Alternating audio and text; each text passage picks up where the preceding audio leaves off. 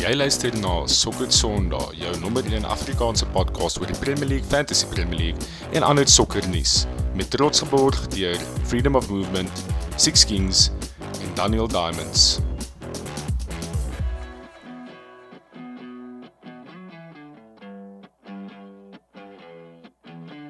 Lekker boys, welkom by nog 'n episode van Sokker Sondag. Ons het 'n lekker vol paneel vanaand agter die mikrofone vanaand. Ek gaan so kloksgewys omgaan van my perspektief af.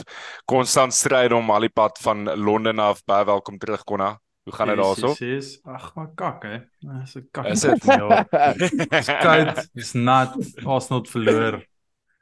Oh well. Lekker. Wel, ehm um, kom ons kyk of ons vanaand jou jou mood bietjie kan lift. Brennas aan die ander kant van die mikrofoon, nou al die pad uit Stellenbosch uit. Hoe gaan dit daarso? Uh baie beter as met Konna. Uh, United het gewen, Bruno het geskor, Stellies is in nog 'n semifinals. So, uh, Yeah. Stellies. Get in. Get in. Ek kan nie glo wat se ongelooflike verandering in mood en attitude daai goal van Bruno Fernandes op daai oomblik gehad het nie. Jy weet dit die commentators het dit aangegaan asof julle top 4 gemaak het en julle die heel seisoen al voorgevaar. Dis hoe groot dit was. Hè Baans, welkom vir jou ook by die show. Thanks papa. Um, yes Massive man. moment daai gewees, hè. Hey. Kyk. As jy mid-table fluctuate, dan vat jy wen soos wat hy kom. Um yes, elke oomblik voel net soos 'n absolute fundamental moment in ons season, goed of sleg. so as dit goed is dan dink ons, jy weet, tables are turning en as dit sleg is dan dink ons weer ons gaan gerelegate word. So vandag dink ons weer ons is on the bounce back. So happy, very very happy. Massive bro.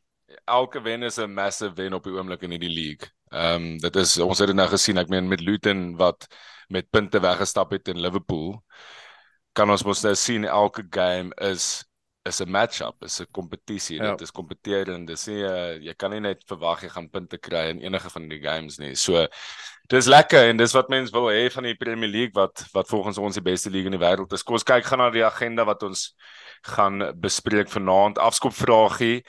Ons gaan ons beste striking partnerships in die Premier League era bespreek. So ek dink dit is ek dink dit is die tipiese gesprek wat mens lekker laat in die aand in akker om 'n tafel wil hê met 'n paar brandewyne in die hand, jy weet en ehm um, ons ons het nou nie daai tipe van milieu waarin ons die gesprek voer maar hopelik kan daai passie bietjie deurkom hier. So kon ek kyk spesifiek na jou want ek Ja, weet nee. jy is passievol oor hierdie ene. Ehm um, dan gaan ons bietjie kyk na Game Week 11 se resultate. Ehm um, ek meen net 'n side note van 'n fantasy perspektief af Brenas ek dink jy het gesê dis die laagste uh wat's 'n 10 game fantasy average nog ooit. Regtig? Ja. Oh wow. Ehm um, Yes, dan het ek amazing gedoen. Game Week as jy enigiets bo soos 30 gekry het hierdie Game Ek Week. het 25, amazing. was dit Konna, hoeveel het jy? Ek het 19 boys. Ek moet No way. ek het op ek sou op hierdie groep waar as jy minder as 20 kry, dan moet jy 'n rambler doen. Ehm Yes. en ek kyk die Spurs game en ek het geweet daar's 'n paar manne wat in die moeilikheid is. Yes, en toe hierdie boys begin rooi kaarte kry, toe stuur ek so 'n heel joke joke op die groep. Jo, daar's 'n paar mense wat sweet oor hierdie rooi kaarte. En toe ek op fancy inlog, sien ek o, fuck, ek's een van hulle. So ja, met 'n rambler doen die week. Is nooit lekker nie, maar gelukkig het Spurs verloor. Ek sal enige dag 'n rambler vir dit doen.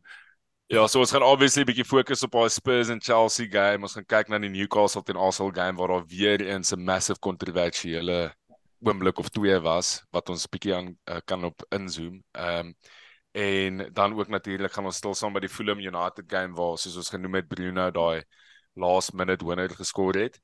En dan aan die einde van die show gaan ons weer weer eens kyk na FPL. Ehm um, was hierdie game week 'n bietjie van 'n watershed moment of nie want daar's 'n daar's 'n bietjie van 'n turn in fixtures vir kom van die Cubs. Ewe skielik sê die scouts sommer wees versigtig vir Villa assets na Oei. hy die afgelope 3 3 game weeks gesê het invest invest.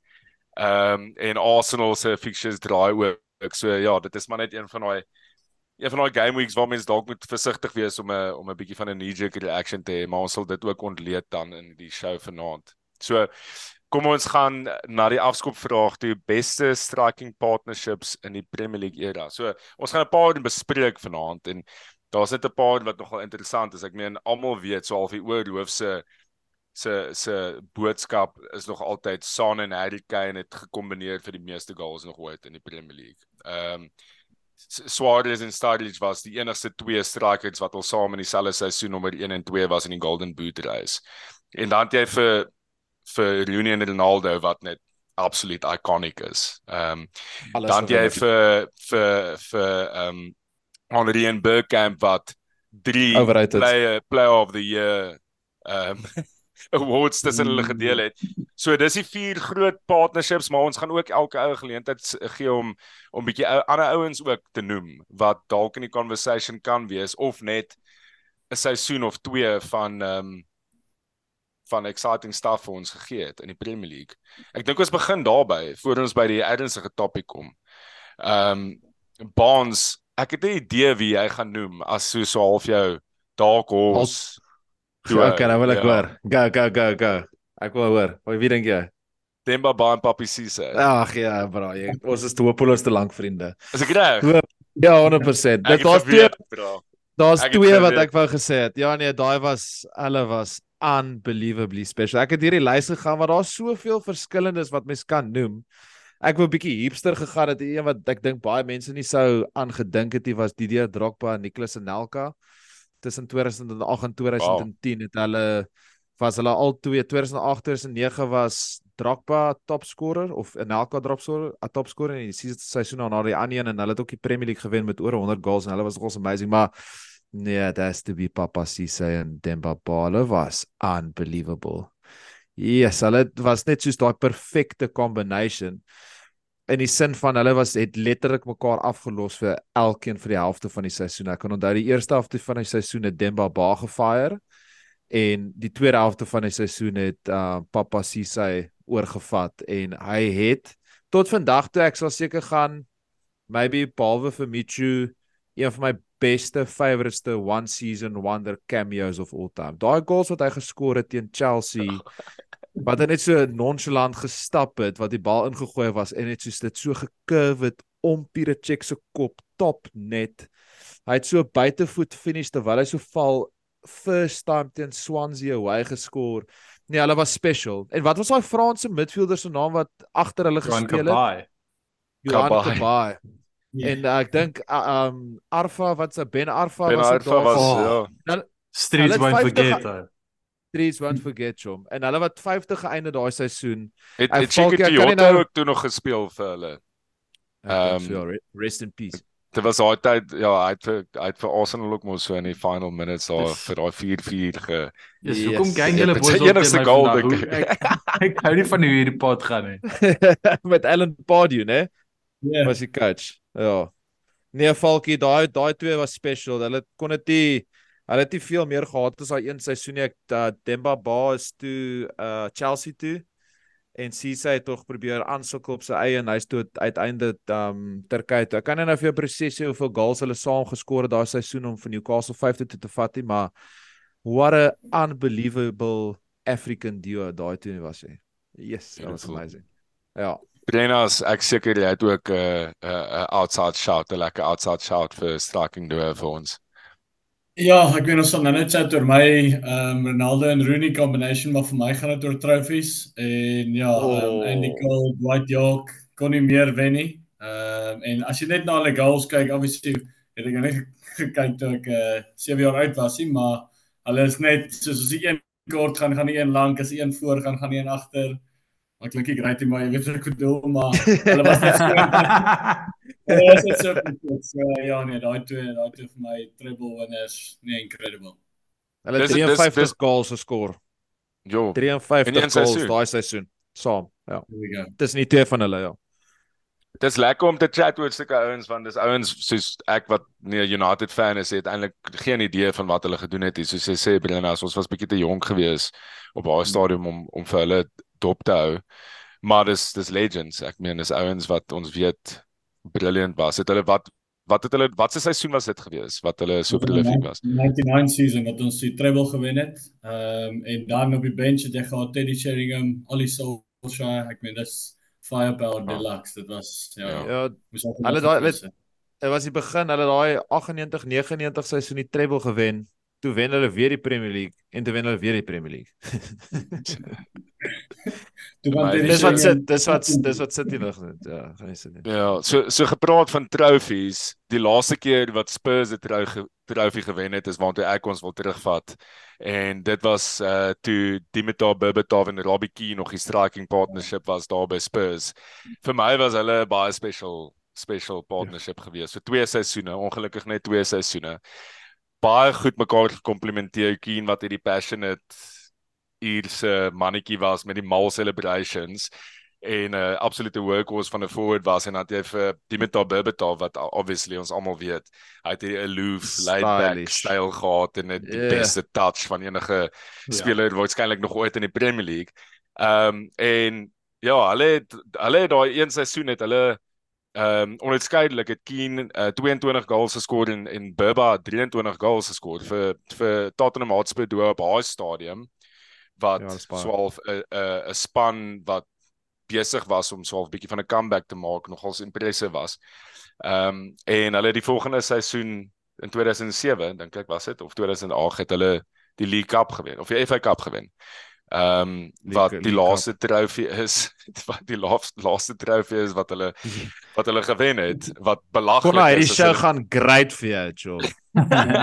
as as mens dink aan aan aan wat na dit gekom het by Spurs en die talent wat al sedertdien deur daai klub gevloei het, laat hulle nog nie weer enige trofee gewen het, is net absoluut crazy. Ja, dit is belaglik. Uh, so Konna, weet jy vir ons as 'n Yes. as 'n outside Ek het 'n hipster een, maar ek ek ek ek het dit ge, gestel as 'n duo, maar ek dink is actually 'n 'n trio. Dis 'n Is trio. en Nee. en nee, dis dis definitief uh Crouchy en Defoe. Uh, Oh, nice. maar dan Portsmouth. maar dan as jy meneer maar as jy dan gaan kyk, daar's 'n common denominator en dis Harry Redknapp. Uh so hy het hulle saam gehad by uh, Tottenham Hotspur. Toe skuif hy Portsmouth dit is van Crouchy Defoe. Die guys wanna come here. Kom oor. Hulle het saam vir Engeland gespeel. En meer net soos omdat soos dis actually komieklik dat hulle saam so want jy het een ou wat soos 4 voet is en een ou wat 7 voet is. En hulle het net so goed saam gekombineer actually. En uh, ek weet Crouchy praat gereeld van soos hoe daai was sy favorite striking partnership uh saam met wie hy gespeel het. En soos wat Brennat vroeër gesê het van bietjie voor en agter. Ehm Oh, het Ja, het uh het hulle twee gestel. ook so daai dynamic gehad. So ehm nee, Daai Portsmouth daar was iconic. Yes, met die Yes, met die Canterbury Portsmouth shirt so. Yes, daai Portsmouth span was befok geweest. Ek het daai span gelove. Het hulle nie FA Cup gewen nie en toe hulle gerelegate? Ek dink hulle het hulle het nog vir Benjani Ja, ook gewen. gehad en vir uh Saul Campbell daar op julle op julle agter genoem. op heel agter. Ja, ja, heel agter. Bokkers. Hulle het nog in ek dink hulle het nog in Europe gespeel die seisoen daarna of iets toe Ronaldinho Ja. toe toe hy Milan in hulle groep. Toe speel Ronaldinho Sjoe. Fred en Paul. Dit was things you never think you'd say, hè. Yes, dis belaglik. Okay boys, kom ons gaan dan in die in die in die uh, premium gesprek in as ek dit so kan noem oor wie ons dink ons uh, beste of gunsteling striking partnership in die Premier League era is. Baans, kom ons begin by jou. Ek meen jy het al gereeld gepraat oor hoe lief jy is vir vir Son. Ehm um, jy weet van die begin van Sokker Sondag af het jy al gesê as een van jou gunsteling spelers. Ehm um, maar hy en Kane het 'n ongelooflike partnership gehad. Ehm um, ek dink die ek dink die mees disappointing seisoen was die laaste seisoen want Son het net heeltemal vir een of ander rede uit die bus uitgeval laaste seisoen. Hmm. Maar voor dit was dit net ongelooflik geweest om te sien wat hulle gedoen het en ja, die 2021 2020 21 seisoen spesifiek was was special geweest. Ehm um, ja, wat wat is vir jou special geweest in daai ouens? Ek jy het dat daar geraak aan die aan die begin, ehm um, toe jy uitgelig het hulle het 47 combined goal contributions gemaak en ek bedoel as jy kyk wie op daai lys is wie hulle geklips het dit is belaglike ouens wat aangegaan het om groot goed te gewen het as jy kyk hier na Freddie Ljungberg en Andri wat kon nou oor gaan praat of Dis nou nie eintlik 'n striking partnership nie, maar soos David Silva en Sergio Aguero en Didier Drogba en Frank Lampard, al daai mense titles gewen. En ek dink wat hulle so ongelooflik goed gemaak het is hulle was regtig twee complete forwards. Um en hulle het mekaar ongelooflik goed gekomplementeer. Ek dink baie mense het sal dink dat Sonny het baie keer net vir Kane provide, maar dit was regtig baie keer aan die ander kant ook om. Veral onder die konteks daar waar waar Kane bietjie meer as 'n quarterback gespeel het en van 'n belaglike passes deurgegee het. Daai twee het hulle het hulle het regtig soos die kwaliteit uh van saamspeel en hoe hulle met mekaar geïnterakteer het en verstaan het na 'n baie hoë vlak toe gevat. Sonder twyfel ek ek ek toe ek soos ek kan nie net imagine as hulle 'n beter span om hulle gehad het nie want die res van daai Spurs was span was regtig baie kak geweest. As hulle 'n half decent span om hulle gehad het met 'n baie meer stabiele manager en hierarchy dink ek hulle sou regtig baie uh, trofees kon gewen het want hulle was absoluut fantasties saam. Ek bedoel die pace die atlet um die atletism tism die krag uh die finishing alles. Ek die ek soos ek ek, ek, ek dink daar is hulle genoem met bonds quality. Ba ja bonds maar ek dink die belangrike ding wat jy daar genoem het is hulle versatility en hulle manier om te adapt ehm um, wat vir verskillende managers aanbetref het. Want hulle het wat saam gespeel die drie managers? Se so reg onthou ek ek dink nou net nee, seker meer seker 4 ja ehm um, en heeltemal verskillende tipe style ook geïmplementeer en hulle albei was net altyd jy weet die beste spelers in daai span gewees en het altyd goed opgelink. Ehm um, en hulle het net soos was... van links af van regs af deur die middel, jy weet van diep af, hulle kon letterlik gehet kon pullers, wonders, tappings, the works letterlik alles. Ek dink ek dink persoonlik die coolste soos ehm um, season ehm um, was daai ek dink dit was tussen 2020 en 2022 wat Kane baie meer begin playmaker playmaker speel het. Ek ja. Was ek ek, dink hy het sy game na 'n ander level toe gevat en ek dink hy het vir die wêreld gewys soos hy is nie net 'n goal scorer, hy is actually 'n complete footballer. Ehm um, en ek meen hy doen dit nou nog by by Bayern Munich. So ehm um, Ja, en hulle altyd ja, was ook op 'n stadium top scorer, né? Son het ook geëindig as top scorer, Kane het al of baie keer geëindig as top scorer. Da ek dink hulle albei ek praat hier nou onder korreksie ek dink albei double digits goals en assists soos net ridiculous numbers en en contributions vir hulle span. Konna vat ons bietjie terug na die Henry en Burkamp era toe bra.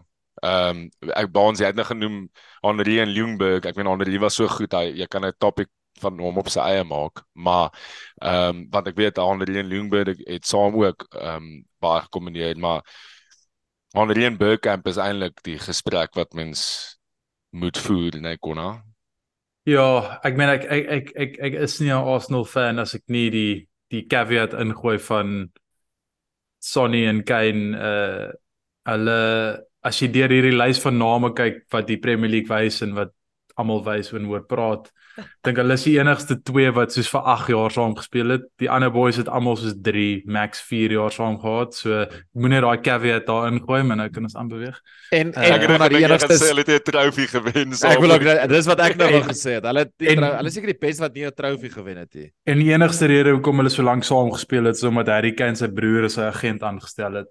Ehm um, so um, Ja, exactly. Ehm um, nee, ek moet sê I mean obviously kyk my view op hierdie goed is dat dis dis actually onmoontlik om te sê wie die beste ooit uh, in terme van sulke tipe goed van daar's so baie bias, dis verskillende eras. Ehm um, ek meen as jy vir baie van hierdie ouer ouens op die lys gaan kyk, die Dwight Yorks, daai mense soos Fok, hulle basies met leerballe en op moddervelde gespeel waar hierdie ouens vandag speel basies op die mees pristine pitches met die beste balle en die beste boots en die beste alles. So dis dis hierdie goed's altyd 'n uh, dis net jou persoonlike opinie en dis wat dit saak maak. Vir my ek sal altyd daarby staan, ek sal my bias ook erken. Henry is die beste striker wat al in die Premier League gespeel het.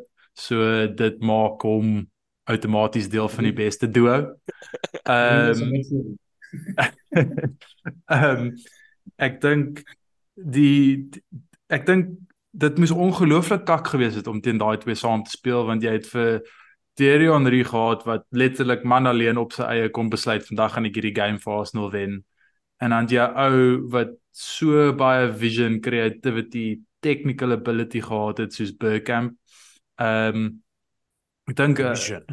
Bergkamp het kyk Bergkamp was langer by Arsenal of hy hy was voor aan Real by Arsenal en as jy hoor hoe hoe almal praat oor oor hom en dit was baie na era waar die game baie meer professioneel geraak het en dan sê die boys soos hulle het hom gesign van Inter Milan af of ons het hom gesign van Inter Milan af en hulle sê soos die eerste oefensessie kom hierdie ou daaraan hy's die beste ou by 'n mail in oefening en soos 'n uur nadat almal weg is dan staan hierdie ou en doen nog crossbar challenges en I mean sy technical technical ability was regwaar net unbelievable. Ehm um, sy vision, die manier hoe hy 'n bal kon beheer en die goed wat hy met 'n bal kon doen was insane en ek dink hy is ook een van daai ouens waar hy raak hy raak verlore in die stats soos baie mense vandag sou hom nooit sien speel het hier so hulle sal glad nie weet van hom nie want hy het nie verskriklik baie goals of verskriklik baie assists maar hy, hy is without a doubt ek meen daar's 'n rede hoekom hy standbeeld by ons stadion het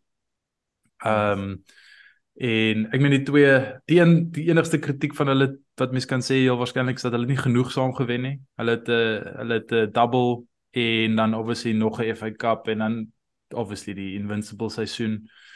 Ehm um, en 'n uh, 'n moer so interessante ding oor Bergkamp is dat ek weet nie veel boys weet nie, maar hy was bang, bang om te vlieg.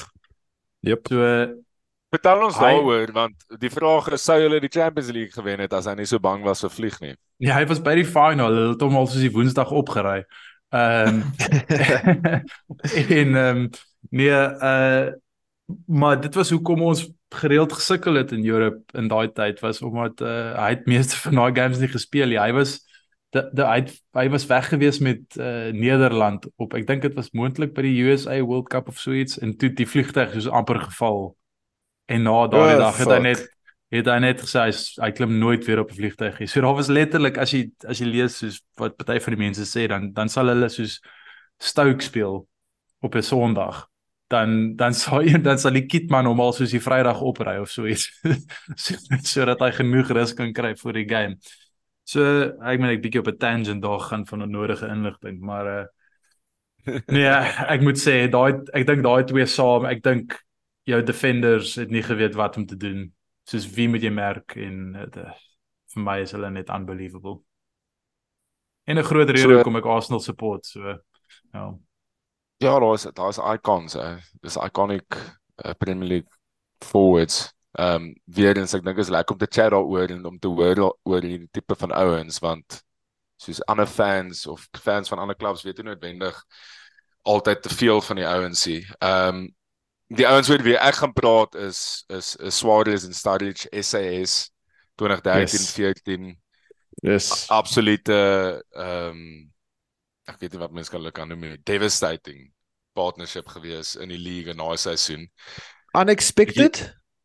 Baie unexpected. Ek meen Brendan Rodgers het het ehm um, was promising gewees die vorige seisoen, maar niemand het verwag dat Liverpool eintlik gaan compete vir mm -hmm. die title in 2013-14 nie. Suarez was eintlik bietjie op 'n one man mission gewees um, om hy league vir Liverpool te wen. Ek meen hy het mos vir um, Ivanovic gebyt aan die einde van die vorige seisoen. So hy het die eerste 5 games van daai league gemis, maar ek meen ons almal weet hy het toe nog die rekord opgesit vir die meeste Premier League goals wat deur Salah gebreek is in 2017-18.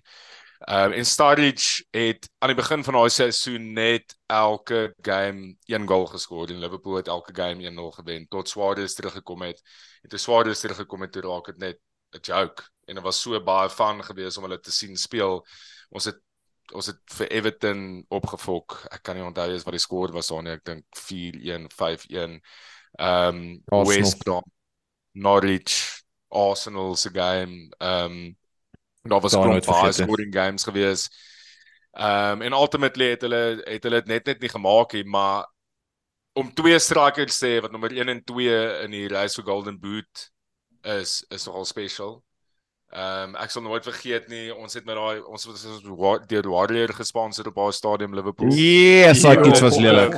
Net so wit en pers. Ek weet nie ek's kleurblind ook nog, so ek weet nie en swart. Wit, swart en pers, ja. Wit, met so goue logo. Toe Sadie se comeback gemaak. Toe skoor hy 'n double as ek reg onthou op sy comeback daai game. Ehm um, wat hy was op deur die loop van die seisoen. Maar ja, great seisoen. Ek uh, ek onthou die West Brom game spesifiek het Suarez hulle net uitmekaar uitgehaal en toe Sturridge net gekom aan die einde van daai game en so chippy van buite die box af en toe sy net Ja, so sit hy die stamp op die game en toe sê net so Hy's geraai iconic celebration pappa. Wat was daai Sturridge iconic celebration nou weer? wat wat die dans daai daai wiggle van hom. al wat, Ja, al wat ek onthou van daardie seisoen is Suarez was in sulke belaglike vorm geweest dat hy 'n bullet header van buite die boks af Ja, top ins gesit het. Dis in daai game. Absurd. Dis in daai game. Daai West Brom Ek game. Daai is moontlik soos een van die absurdste goals wat al ooit in die Premier League geskoor was. Falkie, is dit die Norwich seisoen wat hy die 4 goals teen Norwich Ja. geskor het? Ja, ja. Dan net ja. gou vinnige storieetjie, né? Ons is ons is 2019 is ons um in Liverpool. Ek, my broer en Makutse en ons gaan kyk vir Liverpool teen Spurs en ons is na die game um by hotel dis is Anfield in die pub en ons vra vir hierdie ou wat hy's al 'n 40 jarig 'n season ticket holder by Anfield en hy's 'n greftige en hy um sy lewe is Anfield. Sy lewe is Liverpool. Elke liewe geldjie wat hy verdien, jy weet, sit hy in sit in die klub en home and away. En ons vra ons vra hom, wat is die beste speler wat jy al ooit live gesien het in jou 40 jaar en wat is die beste performance wat jy ooit gesien het in jou 40 jaar? Hy het soos in dit het vir hom so gevat. So eenvoudig soos dit hy sê Luis Suarez en daai performance teen Norwich wat hy net soos Ja.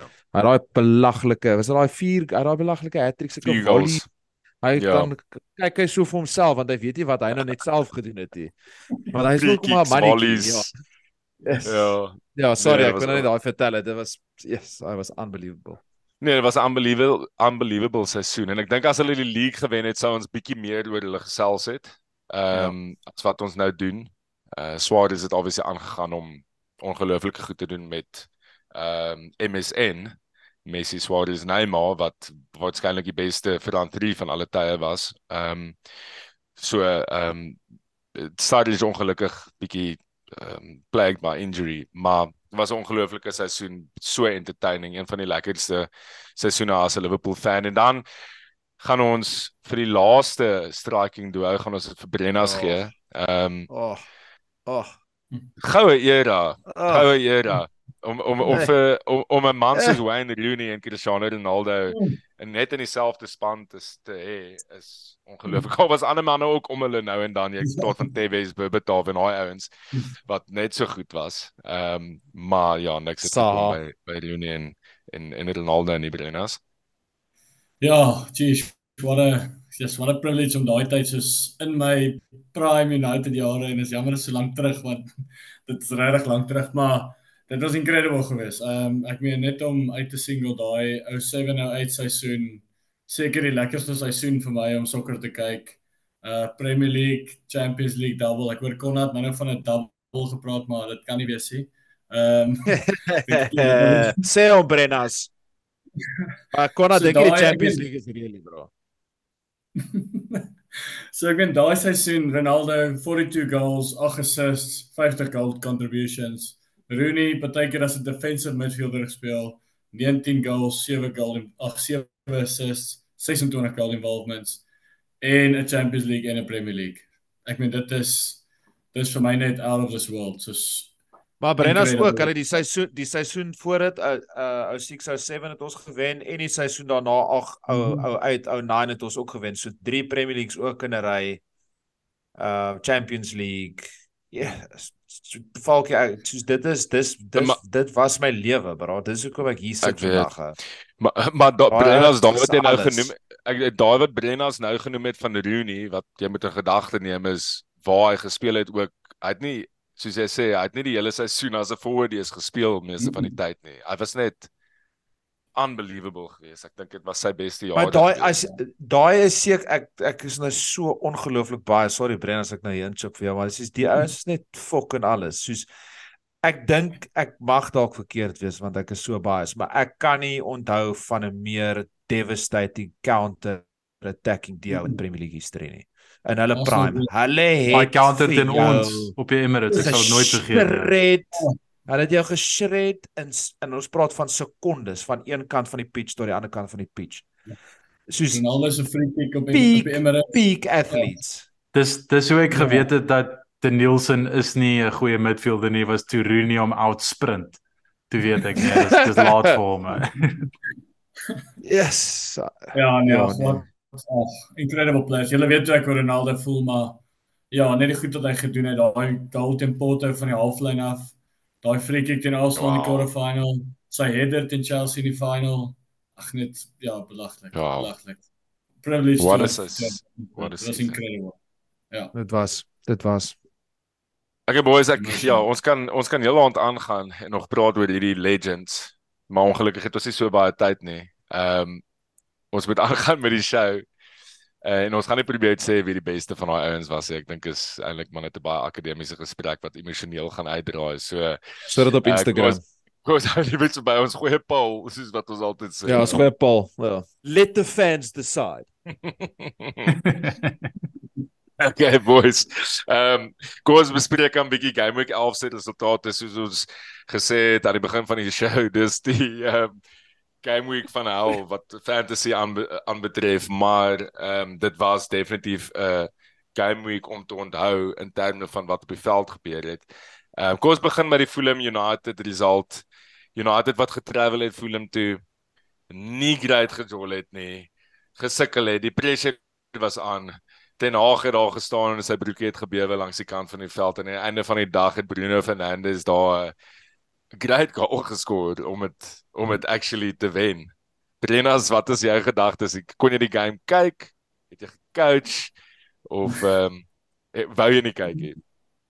Nee nee, ek het gekyk. Ehm um, ons het Vrydag aand gejol, maar ja, dis vreemd. Ek ek het sien ons het twee keer geskoor, maar net 1-0 gewen. So is maar tipies United. Hated the door never ignored.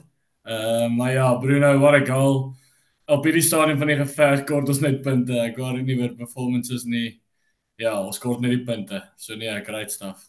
Kan ons het gepraat oor die hele ding van Bruno en daai kommentaar van dat hy nie eintlik die kaptein moet wees nie wat gemaak was, daai wat uitgekom het en hom geback het in social media. Dis alles interessant wat Konna ons het verlede week gesê as daar een ou is in die United squad wie se commitment mens nie kan daad nie, is dit Bruno se.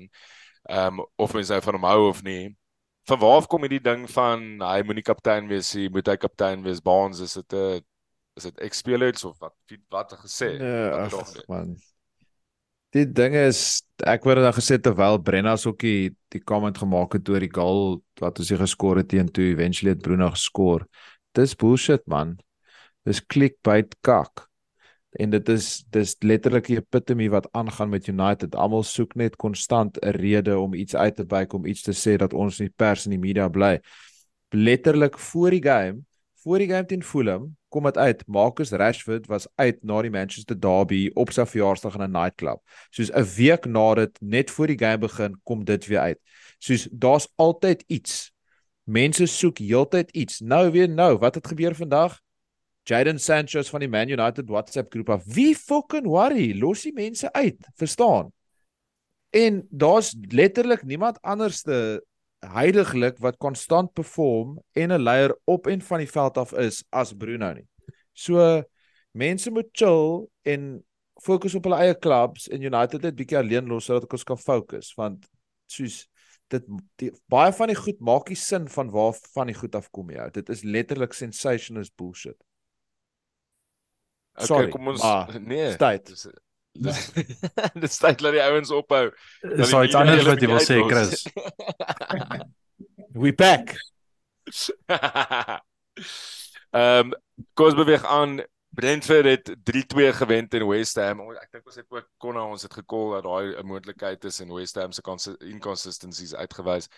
Uh Burnley 0 Crystal Palace 2 Palace wat wegstap met die punte daar so Everton wat gedra het en Brighton Brighton wat al meer begin slip na 'n uitstekende begin tot die seisoen.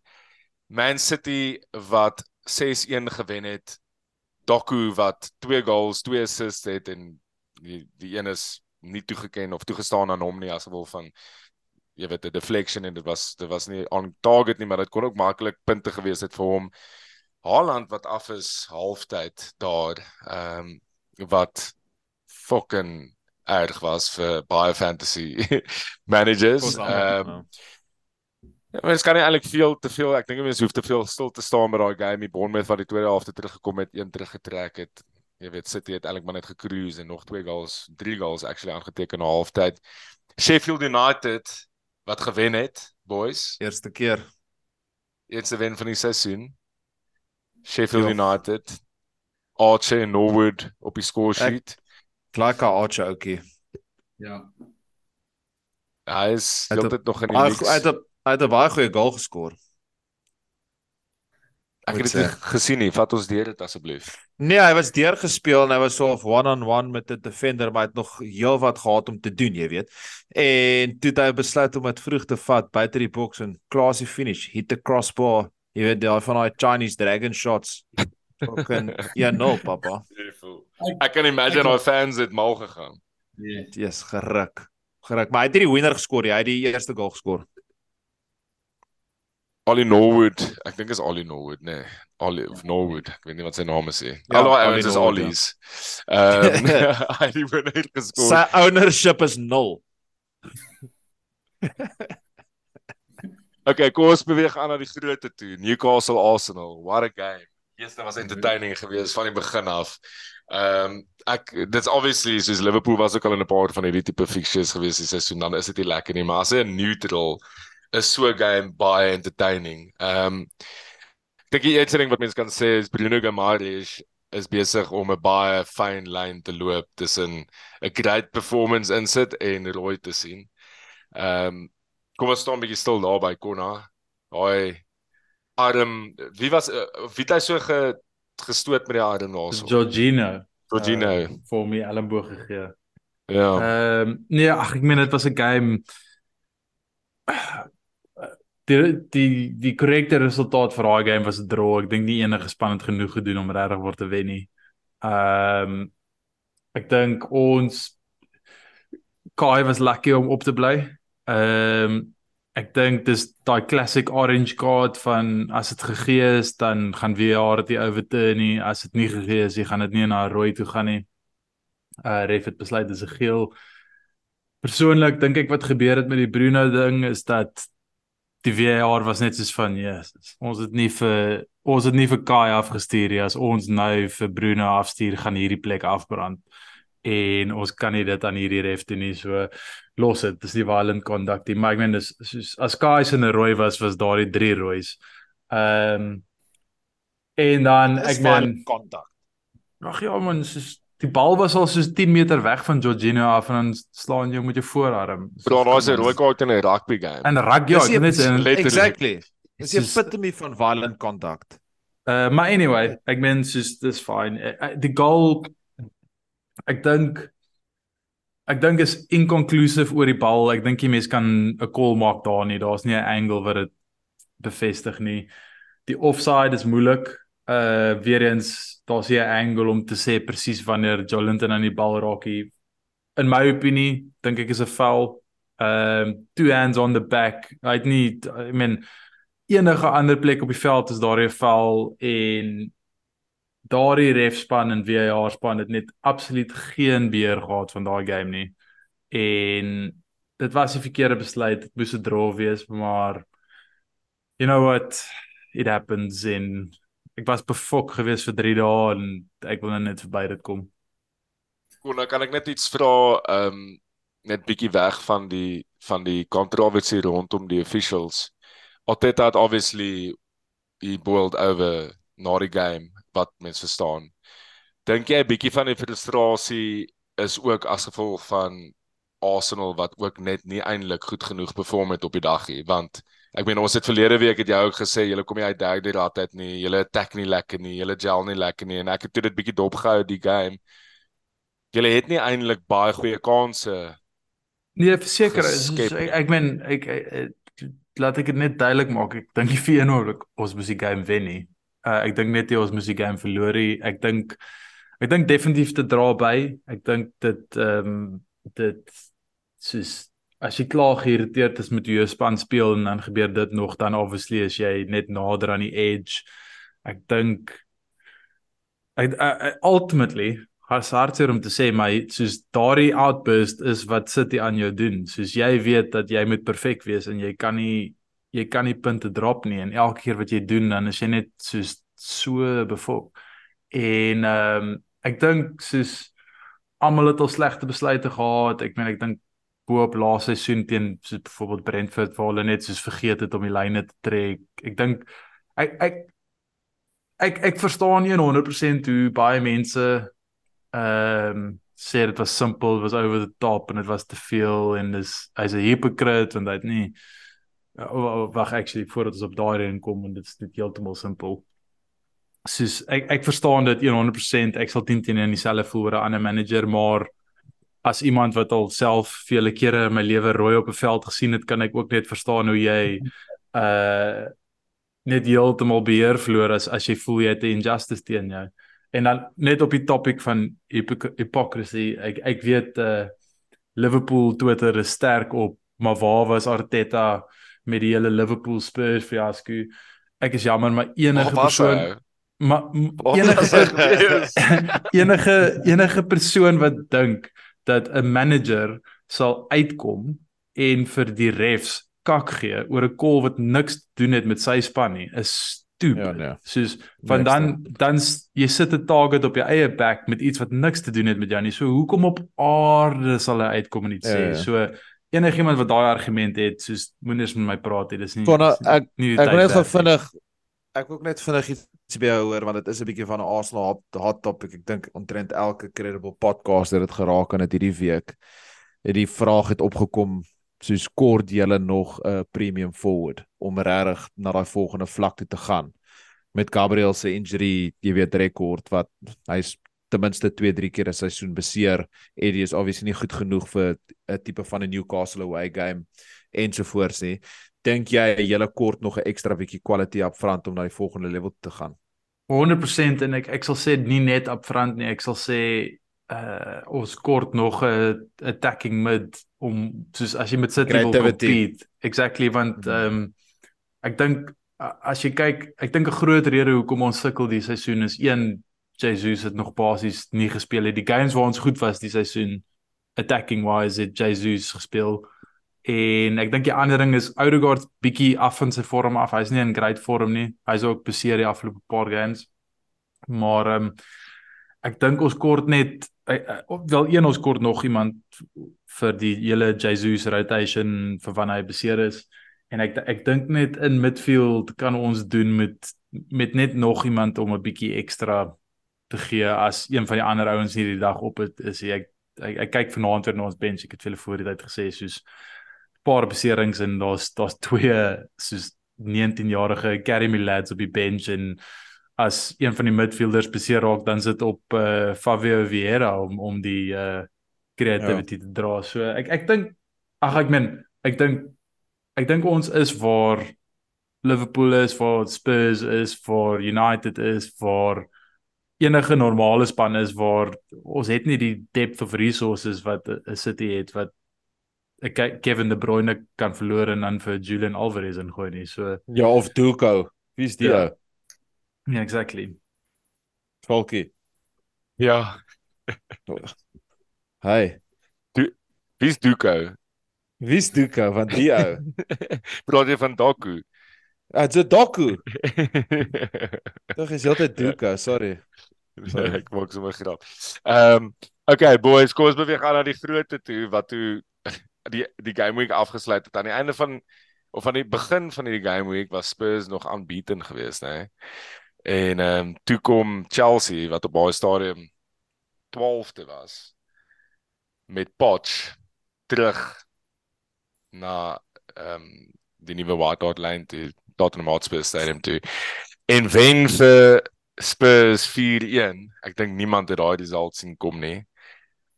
Brennas van jou perspektief af wat het jy gedink? Wat het jy verwag gaan gebeur en wat was jou reaksie toe jy sien wat aan die gebeur was? Sien, ek het gedink dit gaan tight wees. Ehm um, my geez, Spurs down is to 9 men in toe hulle daai ek weet nie wat se formation was die 7-1. Dit het my baie laat dink in die aan die line. Kosse is liga waar die ouens net te lui is om terug te hardloop en die ref gee sy elke derde een of saai want hy wil ook nie aan 'n hardloop hê. Maar dit my presies aan dit aan dink. Ehm um, en cheese, ek weet nie, soos obviously het hulle amper daai finish van Eric Dyer en amper 2-2 gemaak, maar eventually sou ons sien dit. Regtig, jy kan nie so defend in die Premier League nie. Dit is selfs Jackson as Jackson 'n hat-trick skoor, dan weet jy maak dit te maklik. Soos dit was crazy. Ek kon dit nie glo nie. Ek het nog nooit so iets gesien nie. Kyk, ek gaan iets sê pappa. Net so op daai high line nê, net so om terug te bring na United. Toe as Erik ten Hag daai moes gedoen het nê, wat Ange Postecoglou nou gedoen het. Dit sou ek beloof vir jou die king van Engeland sou daar gepraat het, daar sou riots gewees het. Want Ange is nou hierdie lekker, yeah mate, Aussie lekker happy go lucky buddy. Spurs is media favorites nou. Bullshit bro. Jy sê nog altyd kon ek begin nou glo. Maar ehm um, maar nog 'n ding en ek dink Brenna jy sal beter insaai op hierdie is dat soos ek het ver oggend gehoor op een van die athletic podcasts so sê die ou soos dit was absoluut absurd wat hulle probeer doen het want hy is van die opinie dat as hulle net bietjie meer obviously konservatief gespeel het selfs toe hulle na 10 man toe gegaan het dan sou Udogi nog op die veld gewees het want die rede hoekom Udogi afgestuur was was omdat daar was soos 'n 4 on 3 en hy moes lunge om die bal te probeer kry en eweskielik is hulle down to 9 en ek meen soos eerlikwaar ek het daai game gekyk en ek het dit was dit dit was asof 'n professionele span teen 'n parkie span speel en hoe Chelsea nie 10 goals geskor het, weet ek nie. As daai City was, het Haaland 'n yes. rekord gebreek soos op 'n ja. ander vlak. Um, absoluut. Ja, absoluut kon daar net 'n quiet word en Brenna se quiet word op Christian Romero want ek dink hierdie ou is ook hopeloos te reckless vir die Premier League. Daai ou voel vir my asof hy meer rooi kaarte en suspensions en goed kry as wat hy actually soos sokker speel. Ja, hy, ek dink hy hy het 4 rooi kaarte in 64 games wat nogals nogals wild is. Ek het gedog is meer, maar dit is nog steeds wild. Ehm um, ek dink hy sal 'n paar keer lucky gewees, maar daai was ja, yes, dit was dit was baie erg geweest en ek dink nee, die ou is soos sê net 'n rof. Jy kan nie met VAR dit doen nie, soos nee. Dis net belaglik. Ja, en nou sê nou sê sy partner Mikkie van der Ven uit vir 'n redelike lang tyd kon hy sê hy dink hy hom is af. Ai as hy uh, ou as hy ou so optrek, daai was nie 'n skoppie bal uit want my hammy is 'n bietjie moeilik nie. Daai is 'n daai is 'n suiwer groot skeer. Soos ek ek dink hy hammy is af af. En ehm um, ek ek ek sal verbaas wees as ons hom weer hierdie jaar sien sokker speel. Ehm um, dis bad. Want as jy kyk na Spurs se fixtures nou, dis nou nie die moeilikste run wat wat opkom nie, maar dit is nog steeds challenging. Wolves away, ek meen ons almal weet hoe resilient Wolves is die seisoen sover. Villa home, Nordet en dan Man City away, West Ham home, Newcastle home. Dis hmm. is vyf tawe fixtures wat op hulle wag tot en met ja, dan soos al in Desember. Ehm um, en ons weet hoe thick and fast die fixtures dan kom, ja. ons. Nee, en ons het nou ons het nou voor die show het Konna in die in ons groep chat gemos daai screenshot gestuur van die defenders van hulle wat fit is. En as jy kyk wie hulle het, ek het dit nie nou top of mind, ek was Konna dit vinnig kan opkry en jy kry daai jy sit daai ouens wat oor is wat nie great is nie met daai high line wat hulle dan gaan jol teen 'n Villa, 'n Man City, selfs 'n West Ham en 'n Newcastle. Dit kan nogal 'n slippery slope word. En Wolves, bro. En ja, Wolves. Ek meen vir die volgende 3 games het hulle net vir Pedro Porro, Emerson Royal, Phillips, ek weet nie wie dit is nie, en Eric Dyer. Obviously Udogi is hy's net uit vir een game, maar nog steeds soos daai is 'n dun defensive line nou. Jo, heavy. Wow. Okay boys. Ehm um, kom ons beweeg gaan aan na fantasy toe. Ehm um, soos ons genoem het. Fantasy Game Week from Hell, Game Week 11. Ehm um, ek dink niemand het dit verwag nie. Daar was lekker features op die target. Ons het so klein bietjie verlede week in die in, in die op die podcast gepraat oor ja, ons weet nie lekker met Newcastle, Arsenal, daar's 'n paar kopkrappertjies, maar niemand het gedink dat dit so sleg gaan gaan nie. Ek meen Konna, jy het vir Salah gekapie. Ek dink jy was in sewende hemel toe jy sien Haaland gaan af halftyd. En ehm um, ja, toe gaan staan in Liverpool en toe ek sien Haaland gaan halftyd af en ek weet baie mense het hom gekapie. Toe dink ek by myself hierdie is 'n naweek wat ek nou? groot skuwe maak met Salah kapie.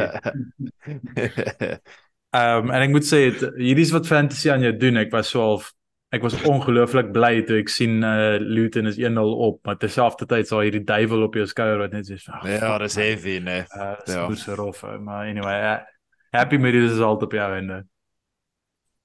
Ja, ek dink ek dink die enigste ouens wat regtig bly is na die game week is ouens wat vir of vir Doku of vir Jackson hulle span het want dit is net 'n belaglike strike of luck eintlik. Ehm um, om om enige van daai twee ouens op hierdie stadium in jou in jou in jou span te is is crazy. So ehm um, die vraag is nou more of the same hierdie game week Brennas of gaan ons gaan ons weer terug na ons default settings toe en geen knee jerk reaction sê bly waar ons is wees rustig. Wat is jou gevoel? Dis altyd die fantasy antwoord wees rustig. Moenie dat een game week is swaai nie 38 Dis ek Dis ek kom ek so kak is. Ai nee ek dink dit gaan nog steeds 'n tawwe game week wees. Ek dink hier daar's baie maklike games vir van die groter spanne nie. Uh, United het 'n maklike game maar ja anders as dit. Ek dink dit gaan weer tight teen wees maar is is daar so iets soos 'n maklike game vir United op die oomblik? Surely ja, Luton kon ja, dan. Liverpool kon hulle nie wen nie, so Ja, maar speel by Old Trafford. Luton, daai ouens gaan foto's neem as hulle by die tunnel uitstap. Hulle is nog nooit daar nie, so.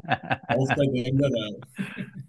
Baans ek het hierdie ek het hierdie vroeër hierdie week te sien ek op op Instagram dink ek of op Twitter dis hulle soos vanaf die Sing familie nie meer elke game week of ja, ja, ek... daar langs die veld is nie. Ja, het United net gedip en gedip en gedip. Hy bring maar ouens terug. Waar, waar is hulle? Mense dink dit was Fergie, jo. Was nooit Fergie nie. Daai ouens was die silent dictators. Hulle het eintlik gesê wat gaan gebeur. Ja nee, good old days, bro. Good old days. Yes. Okay, so, so Kom ons kyk gou na die fixtures vir die game week eh, wat voor ons het nou net geraak aan Wolves en Spurs, Wolves wat vir Spurs host, ehm um, Arsenal host vir Burnley wat dalk enetjie is om na te kyk soos ek gesê het, Arsenal se fixtures raak nou nogal lekker. Sit vir Kyle boys. Is dit Kona? nee. As jy aan back. Jy gaan nie jy gaan nie seker of 'n baan so tegen vir Kyle te sit nie, dit weet ons. Ek meen hy sê Dis my difficult.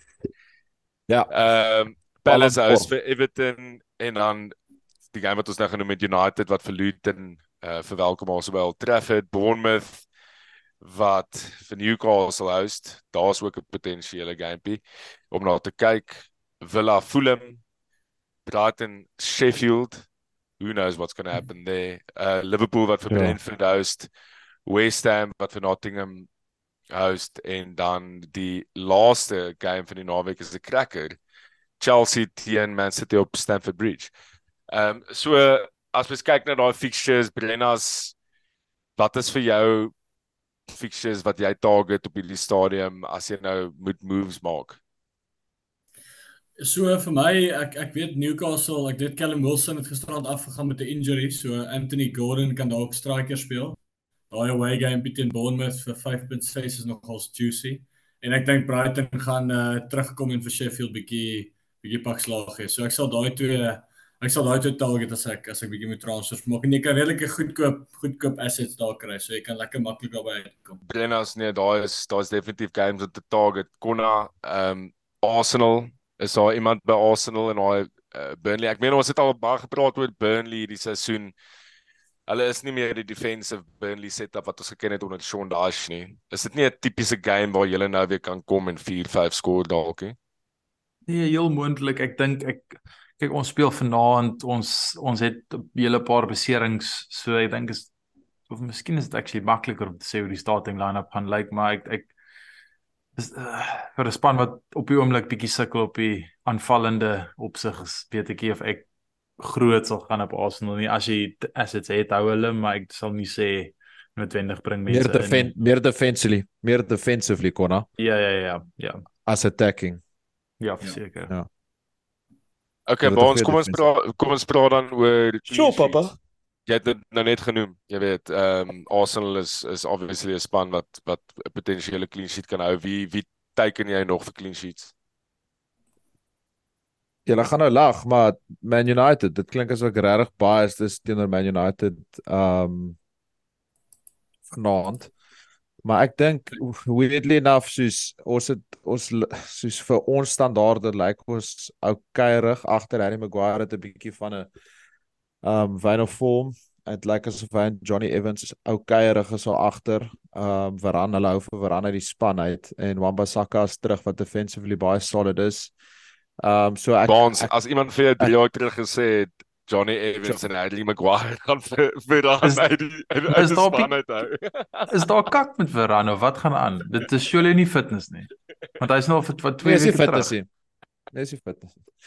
Ja, Falkie, dit is komieklik. Ek ek ek sies. Ja, ek Ek verstaan. weet nie wat meen, ja, mens ek weet nie wat- om te sê. As jy kyk wat gebeur op die veld, verstaan jy dit. Ek ek ek verstaan dit, maar dis net snaaks as Kon- jy nou kon op 'n ernstige noot wat ek wat ek waardeer is ongeag wat mense sê Ten Hag favour wie op vorm is en wie jol op hierdie stadium. En op hierdie stadium Harry Maguire het 'n bietjie van 'n 'n 'n rich vein of form. Hulle Joram, Johnny Evans is beter met die voete by sy bal as Varane. Hulle het 'n bietjie agtergekom deur 'n onlangse analysis dat baie van die spanne funnel die bal na Varane toe want hy speel nie te great van agter af uit nie en hulle het hom so 'n bietjie begin expose. En vandat Johnny Evans en Harry Maguire ja, so kyk want ons is nie ons is amazing nie, dit is okay. Maar sorry, Falkie net om het, die punt te maak, ek dink ons gaan 'n clean sheet hou teen Luton. Um so Harry Maguire dink ek kan 'n goeie shot wees. Lenas van jou perspektief af, op wie sal jy bank vir clean sheets? ek dink Ross Barkley gaan skoor op Old Trafford. Oh Ehm, wat um, sorry Frans. Ek is nie so positief nie. Ja, ek ons gaan skoor want kan dalk 2-2 wees ongelukkig. Ai. oh Maar man. anyways, ek ek dink the Gunners show in. Uh nie goeie attack nie, maar hulle defense is incredible op die oomblik, regtig so. Dit is Uh ja, nee, ek dink die Burnley skoor nie. Kon nou jy? Ah, ek sal gaan fucking haat die mense, maar ek sal gaan met Newcastle. Ek dink ehm um, hulle bly maar 'n defensive span. Ek kan nie kan nie sien hoe Bournemouth teen hulle gaan skoor nie. Ek uh, ek dink Brighton kan potensieel hulle het lank terug 'n clean sheet gehou, maar ek dink Brighton kan potensieel in hierdie game teen Sheffield uh 'n shift insit en en terugkom in 'n clean sheet hou vir die eerste keer en ek dink iets soos 5 of 6 games. Ehm um, as hulle nie hierdie ene as hulle nie teen Sheffield United hou 'n clean sheet kan hou nie, dink ek nie hulle kan teen enige span in die league een hou nie. So dit is hulle geleentheid nou. Ehm um, kom ons praat oor differentials. Diffie soos almal weet wat hy is vanaand, uh 5% of laer ownership bonds wie sê differential. Jy het hom al 'n paar keer dink ek genoem dit die show. Confirm hom Nee, net dit- vir ons. Nee, dis iemand anders actually. Um hy het 'n absolute ongelooflike goal geskoor uh vir West Ham teen Brentford hierdie naweek. Um en dis Mohamed Kudus. Koedoeleine. Doe. So hy hy ek die wat nog nie daai goal gesien het, jy gaan kyk. Dit is 'n absolute beautiful strike. Um hy sit op 0.8% ownership met 'n prys van 6.5 en hulle het beautiful fixtures wat kom. Hulle het Nottingham Forest home, Burnley away, Crystal Palace home. En okay, hulle is defensively taamlik leaky West Ham, maar hulle skoor ook omtrent elke game. So ek kan dink Kudus kan nogal 'n lekker difficult wees in daai midfield. Nice, Konna. Ja, yes boys, ek weet nie wat gaan aan met my nie, maar ehm um, ek gaan gaan met die Nacho. Met die ginger from Sweden, uh Kilis Kulusevski.